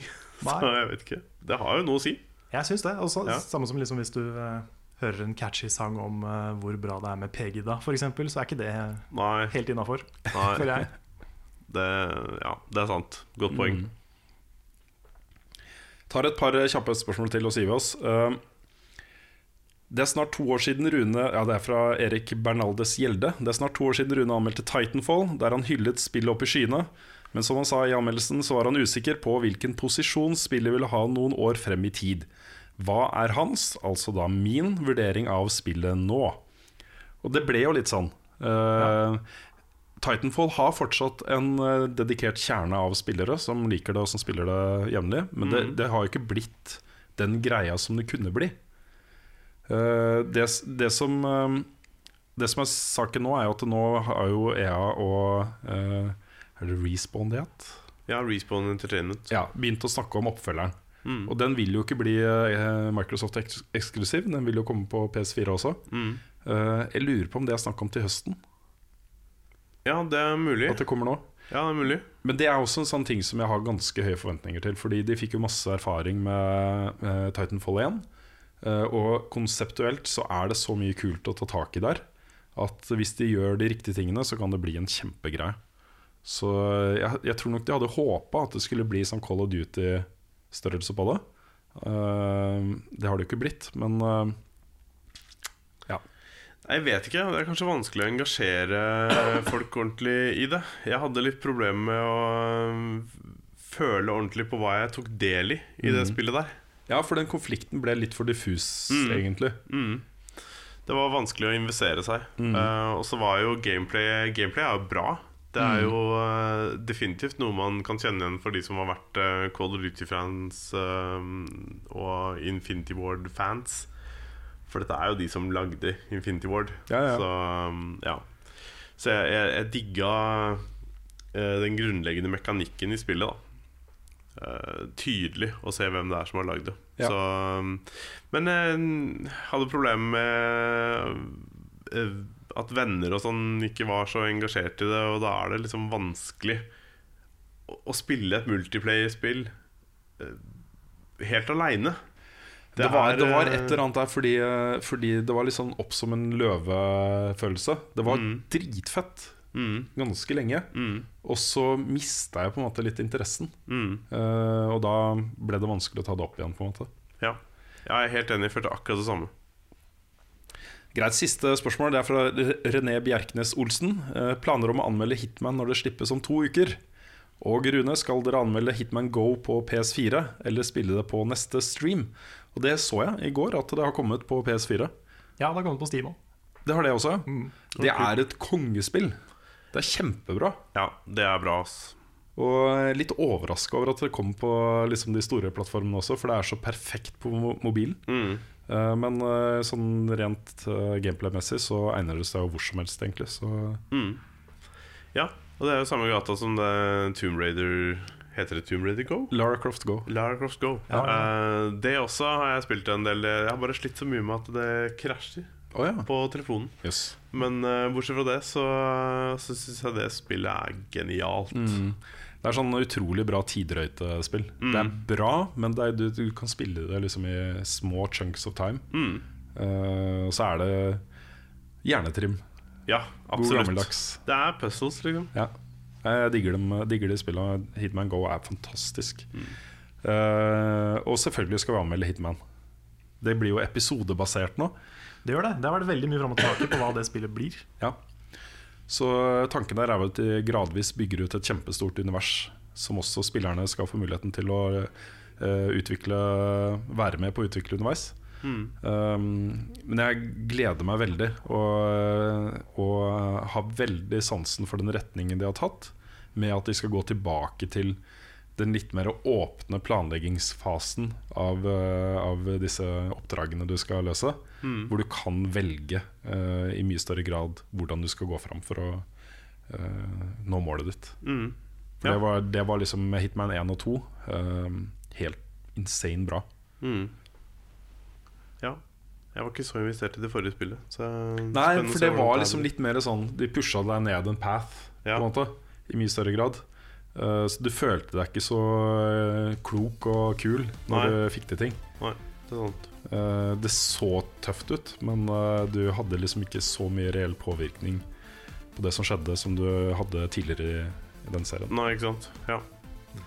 ja. Nei, det blir spennende å se. Det gjør det. Yes. Skal vi si det er det? Vi får, vi får si det er det. Ja. Så er det bare å si tusen takk til alle sammen for at dere har hørt på podkasten i dag. Og takk til Rune, takk til Lars, takk til meg. Takk til alle som backer oss på Patron. Vi, eh, vi sier det ikke hele tiden, liksom, men eh, vi tenker det hele tiden. Vi er kjempetakknemlige. Vi, vi er- fortsatt litt sånn svimeslått av det. Ja, ja, ja. Definitivt. Dere er awesome. Ja, dere er det. Dere er best, Jepp. rett og slett. Så eh, ja, da ses vi i neste video eller neste podkast eller neste ting dere velger å se slash høre på. Så får dere ha det fint imens. Ha det bra.